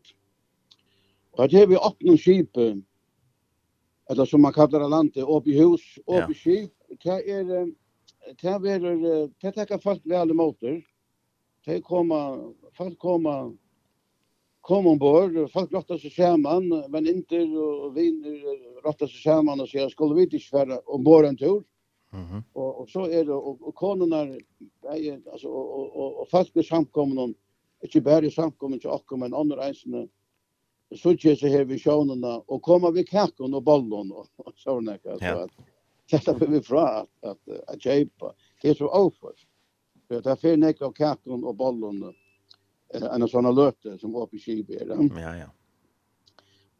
Og så er, sand, så er sandøkken lio, og måna morgenen, Da færer vi av Sante og til um, til uh, Soria. Mm -hmm. Og fyrst, første havnen til Håkon, det var med Kvalpa. Det var flaggdagen, flaggdagen. Det er flaggdagen, 25. Mm. -hmm. Ja, nettopp. Og skiparen, han møtte det så leis at her får det være slattare til Håkon at færa vester, at sykla, at sykla vestanfyrde. Og det var det så sannelige eisene. Og Ehm nei, nej, och säkert. Det var tar för till till till Sandöjna. Då skilde vi vestan för Sandøyna, och det var så slatt å sjå noen allan allan vei. Men nu kommer vi till Kvalbjørn, och till er flaggdagen. Och här hadde vi lust vi einon en uh, familietiltak sama vi en flaggdagshalte i Røynhøtlen. Et familietiltak vi flaggdagshalde i røgnhallene. Uh. Og, og kvalbingar skjøtte til, ja.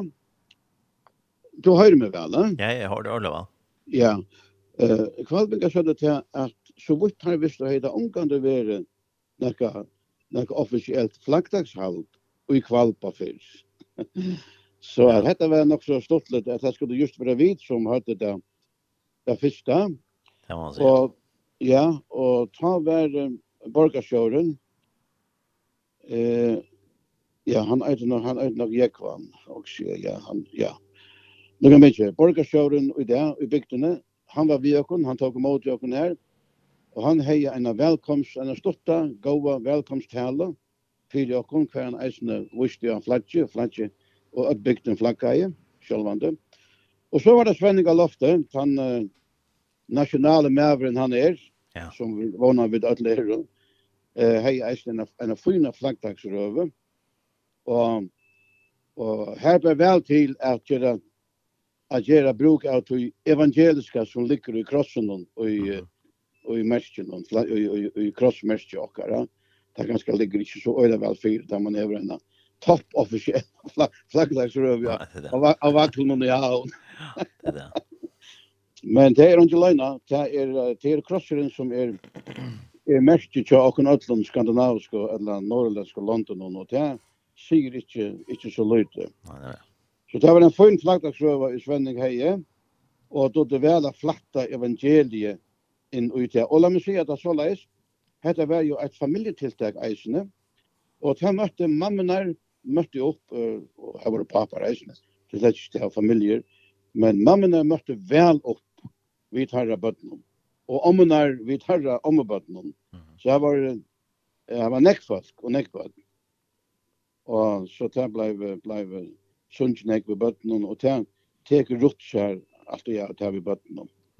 Så var oppe i skip at han var, og det brukar folk nekk. Folk brukar høy å komme ombord, tar vi tar oppe i skip. Og ta ræv det om tja okkon av er ombord sjåvande, og hvordan nøkra mannesene må være ombord ta. Takk mot folket, og vera bløy sjálvandi og og sita og snakka og og barn kom og bor og og sjón tær skal ansast eftir du tær renna rundt alt skipi og selja drunchur. Ja. Eh tær elska at vera på brunni her og og sita i skipar og og og og spalla skipar og ein lott. Så hemma er onkur vera passa på at der ikkje trusta at det som ikkje kan trusta så. Ja, ja. Og eg minnist at vi var i Hetlandet. Da minnist eg at ein 20 gammal dronkur Ja, her var vi ju en hela vik eller godt, ja. Han var ombord kvant ja. Det är samme dronkeren. Ja. Och han satt hade ju oppi av i og, och och och i stålen, og, och fantasera, i och jag pratade en dag med og han pratade vi är och så han tog engst, og, och och och han säger min minns god i minns skriva ju inte han säger att eh uh, uh, when I have grown up I will become a captain on a missionary vessel, säger han, boat. Ja. Og nu, nu er så tanddrongen en några 20 år eller också. Så Jeg vet, jeg vet ikke vad han er det. Men... Spennende, jeg vet ikke vad han är det. Ja, og ja men hvis du husker om skibaren och Logos Hope. Ja, ja. Disk Kolenbrander. Ja. Hollandaren som var uh, som var skibare till Logos Hope var i färjan.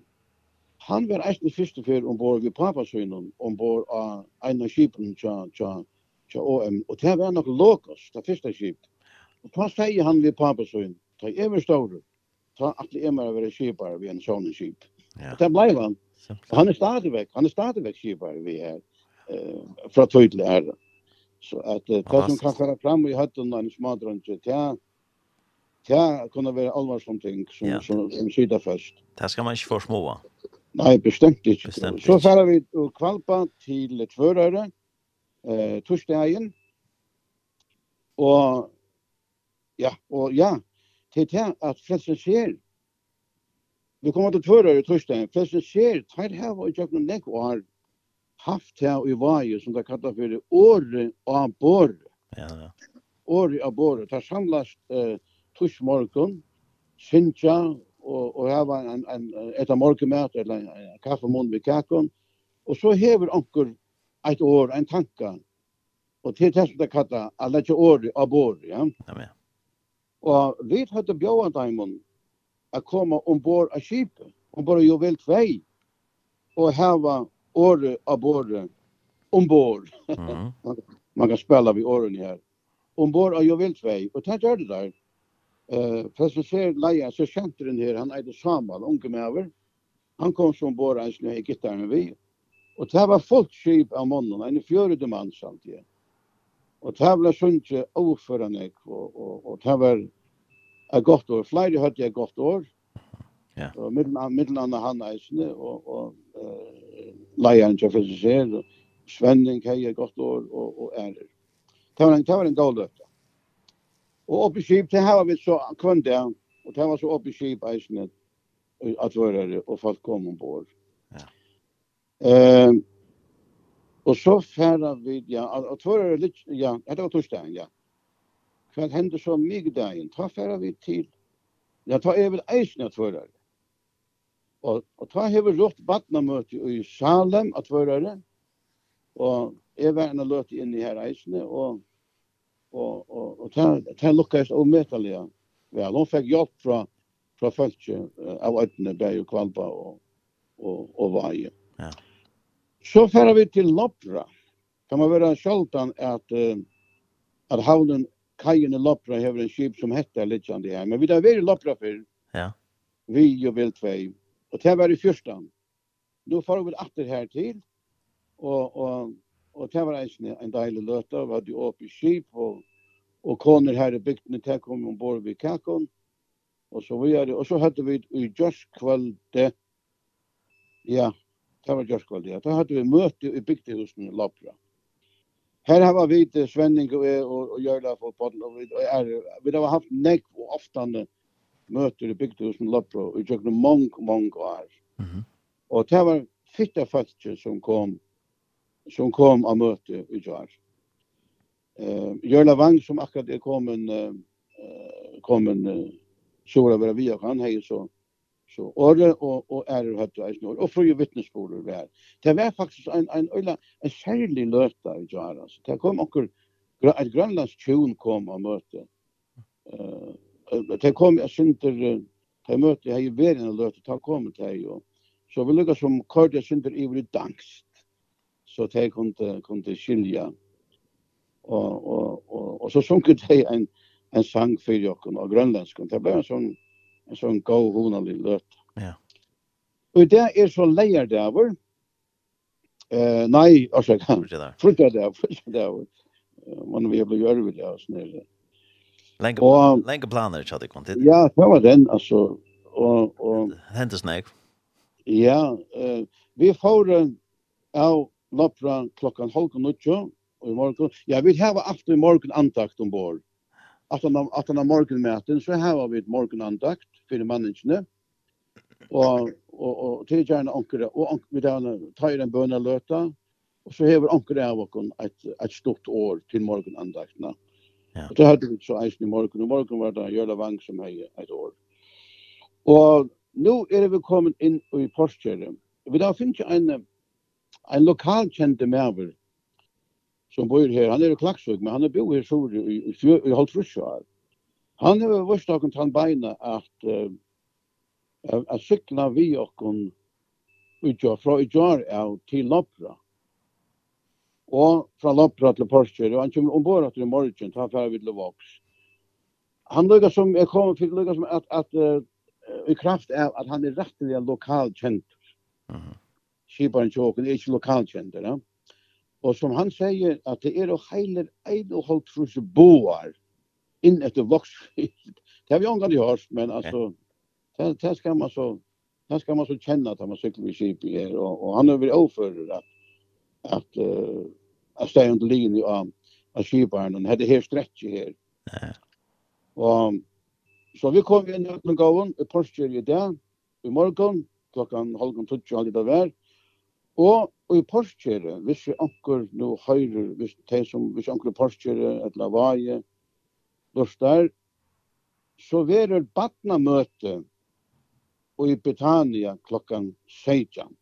Og alle badn er hjertelig velkommen av det badnamøte. Her kommer Rutt Gårdlukke at hava forskjellige fire bøttene og kommer å bruke den her gospelterningen som jeg pleier å kalle dem. Mm -hmm Og i ettermiddag fra klokken 3 er åpne skip om bare jo vel 2, og jeg vet at konene her i Porsche hava lova a baka kakker og komme ombord vi, vi kakker.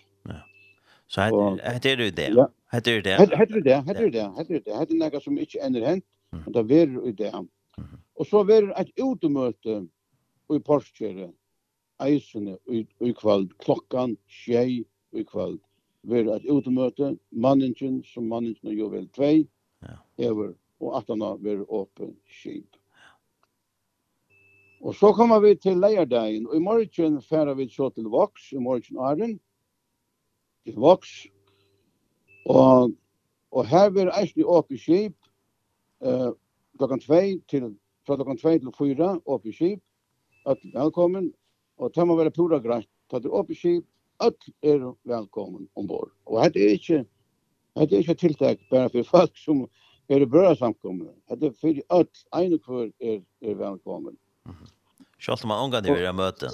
Ja, ja, eisen test ikke engang møte, det er kyrk. Ja, ja, ja, ja. Sjælja det er ganske. Alle velkommen. Ja, og klokka nødja i anna kvall, ta er et, um, ta er et særligt ungdomsmøte, og einum særligum stað. Altså ikki um borða skipen. Men her er nakað som eiter saune og gørnum. Og alle var jeg vita hvert her er. Saune og gørn til er er Alex og, og Melan som driver handelen her. Og gørnum og tei hava lukket sum just han han gamla handelen.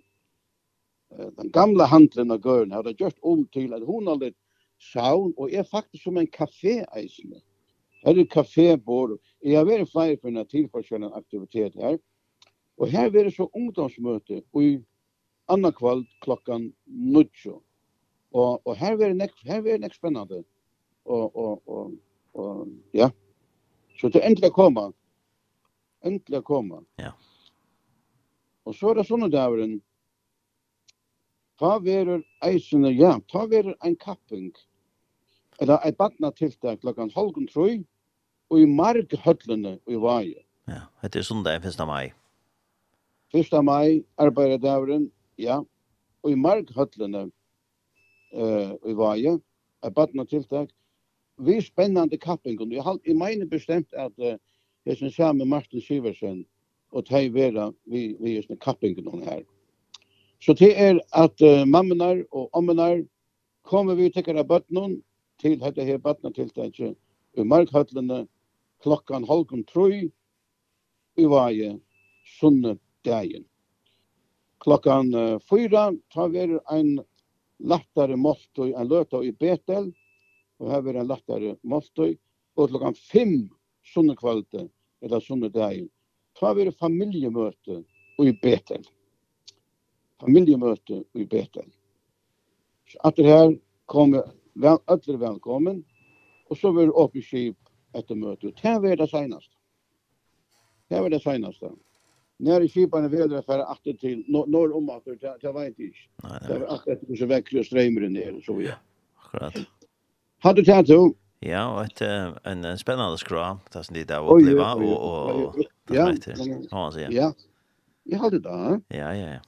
Eh kan man säga det är väl näck fack och bor jocken alldeles det kan man säga. Ja, tillsammans det vi det vi flöd under fast. Ja, ja.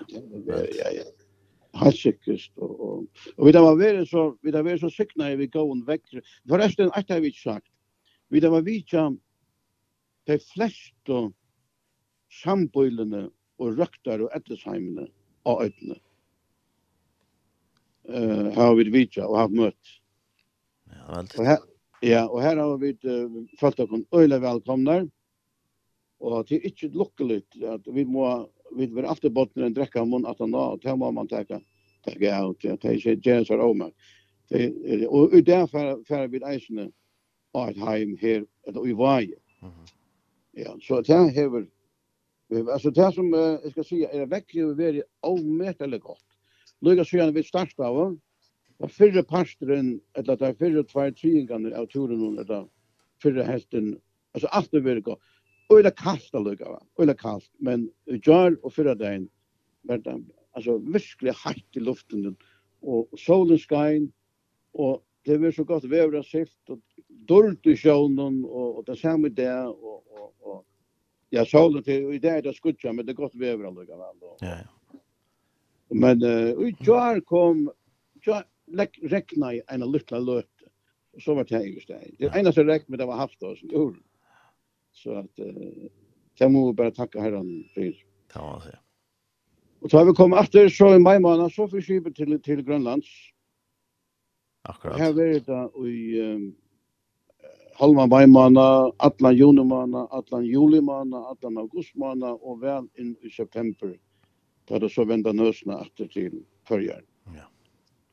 Jo, det det. Men det med har har men det alltså inte vi. Det är inte Atlantic Mission. Det är det.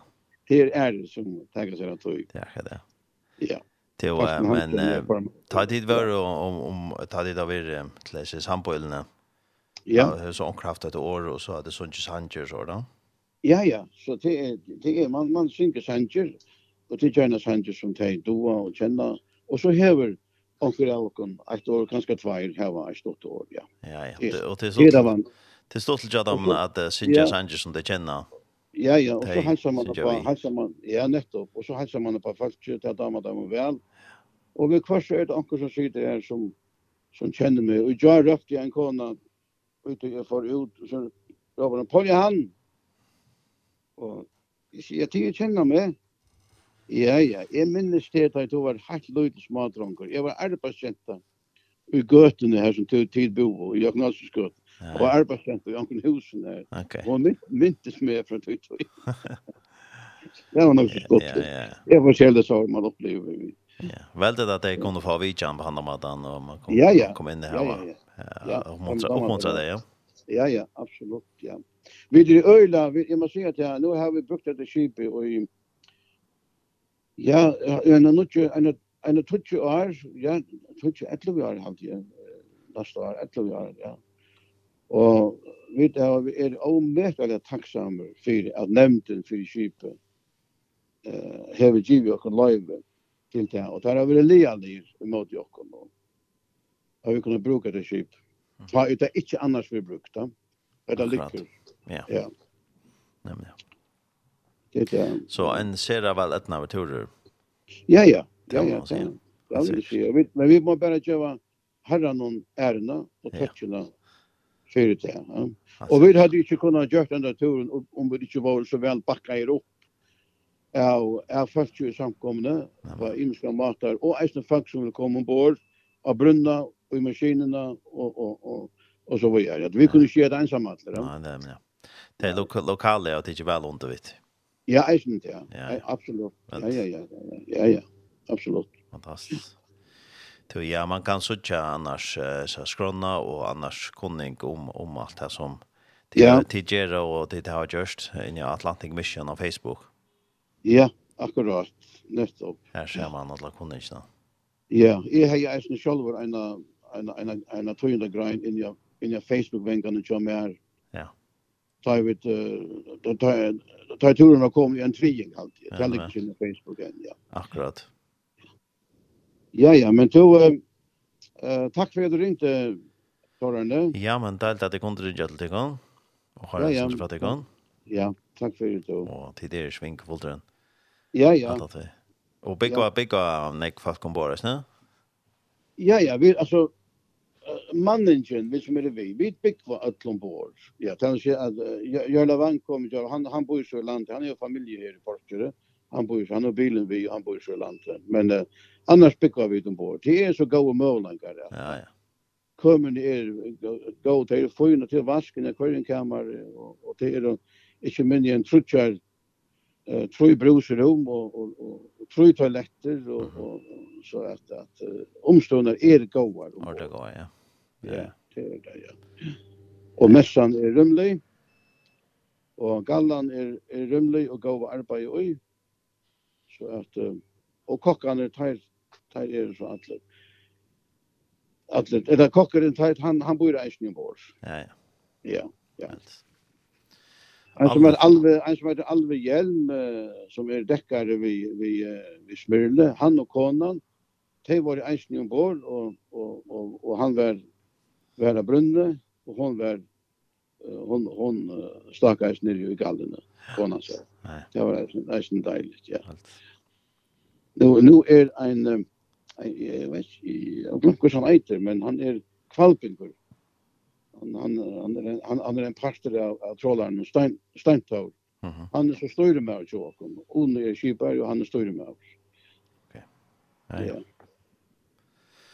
Ja, men jeg får si at det er større takk for uh, Paljan Juros, at jeg kunne rydde til den i morgen. Ja, ja, men jeg har det godt jo. Lykke om det, og, og du har et ikke sang. Ja, Sjela systrarna, ter Solva og, og Anna og, og Elin, ter hava nek var, veis ikke om det sunnjas nek langkur, men um, kallar oss Sjela, og ter sungu mitt anna en sang, Guds karlage er større hakre han har funnet. Så tack för pratet i morgon och god och sikning i arbeidet til kon och en ja, go men... go för vi är. Tack för det då. Okej. Okay, Yes, alle, ja, bye.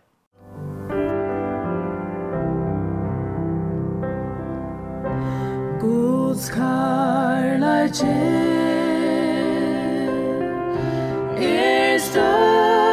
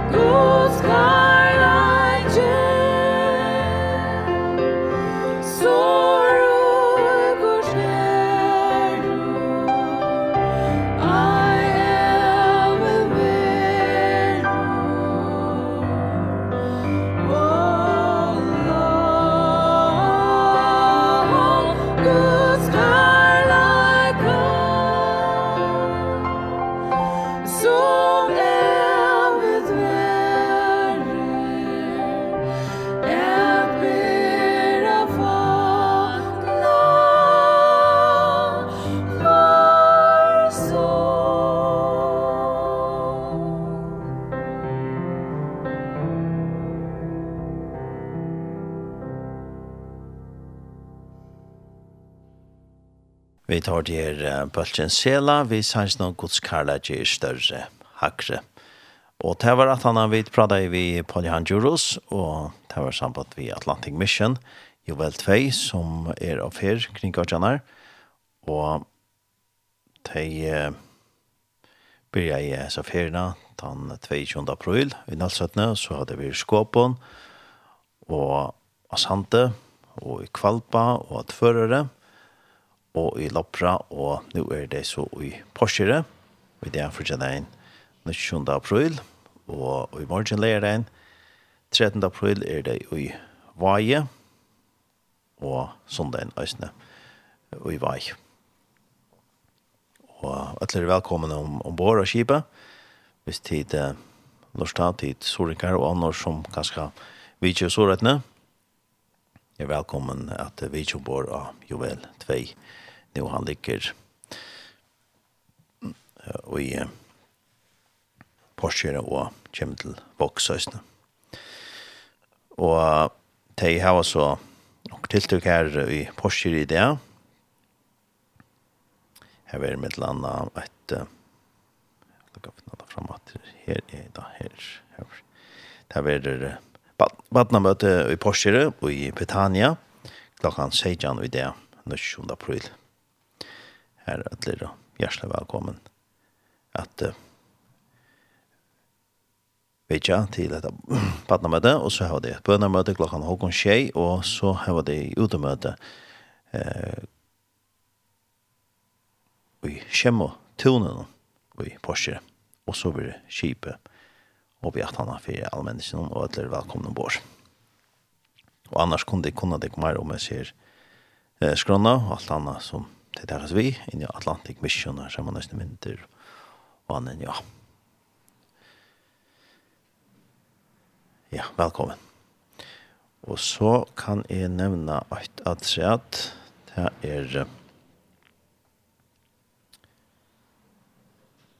Det er noen møter som... Eh, eh, vera nu i vikskift og i Haldarsvik, til kvöld, fyrtja kvöld, 19. april, og leir kvöld 13. april, eh, klokka 19, det er i Evalsøsnån, og i Haldarsvik, og det er Brøður Havn, som lotteka vi tale og vittnesbordet, og øtler hjertelig velkommen til kjer møtene i Haldarsvik og i Avalsøsna og i Haldarsvik. Det var en løsning som vi det finnes. Ja, og så kan jeg lukke nevne en aftræd til å være en sangløta som er i Berua i Saltangara. Det er Sveinøy Preskare og Rekkel Bersen. Det er en bølgerøsne vitamin. Og og det var fellessanger og vittnesbordreisene. Det kallet det en sangløte eller konsert, og i byrå i Saltangara, og han var i annan kvöld, leia kvöld 13. april, klokkan 20. Og alle hjertelig velkommen til Esa konsertene og til Rødgips gongt. Og så bjør det en drekkamon, 18 år snir. Og så eh, er vi kommet til endan av sendingen i det, og vi tar med land haft vidjan er Victor Carlsen, som greit kom fra om en MC-godsasto, som er i Løvden i Høyvik, og er i morgen, leir den 13. april, klokkan 15. Og det er av sånn Åger som for at uh, tala, og så er det Magne, eh, Magne Kristiansen, som för att synja några sanger och där var bulkur som vi igenom. Och så var det en fälla sanger och det är crossbikers färger som kipa fyrs ner och det är så här en en en tur att det kör om Dorslund Aron Aron och det mötas det utkja MC-fällan ut ja gamla välbassa vän Aron så blir det klockan 13 är det mötas här och så var det en tur. Ni har nått inn, og så møttes det på løvdene. Ta, var klokka troi. Men ødler hjertelig velkommen om man ikke kjører en motorsykler, så kan man godt komme til det seremiske godsansene som er klokka 15 i morgen er den 13. april. Velkommen til det. Og så har vi døsne, hørt til østene om etter skolen Brykven i Skalavik. Vi har hørt jo et prat som Erika Winter, som er leier for skolan her, vi Annika, Bjørsk og Marskos, som gikk av skolan. En opptøkka som det heter Gjørst Sjølve, som vi så sendt her. Og her kunne det kunne ikke mer om det inn i hjemme sin Tjatheimon, som heter brygven.fo. Og det er kjipa i snedfyr noen tiltak i morgen, og i uh, Abrunne, Skalavik. Her, det kallar det Fun Challenge. Her er i Mr. Skrone. Eh, det er fra klant 15 til Seijan, og så fra Seijan til 22 har det bas her. Her det er eh vi ser mest fram og serimest och så blir det ungdomsmöte klockan 9. Det er alltså i morgon 13. april. Och man kan komme i Bosse. Bosse kører ur Skåpen kl. 13.45, og så åter ur Skalavik kl. 22, så man klarar baden. Tarstan, hei Så jeg får takke for meg her i studiet tjei i dag. Tarne Samuelsen var i Dorssone, og henda sendet kommer enda sendt i kvöld klokkan tjei, og så var den enda sendt i natt klokkan 3 til 3. ja, så ikke det kan ha til noen en god dag og snakk godt vikskifte. Vi tar rest. Farvel.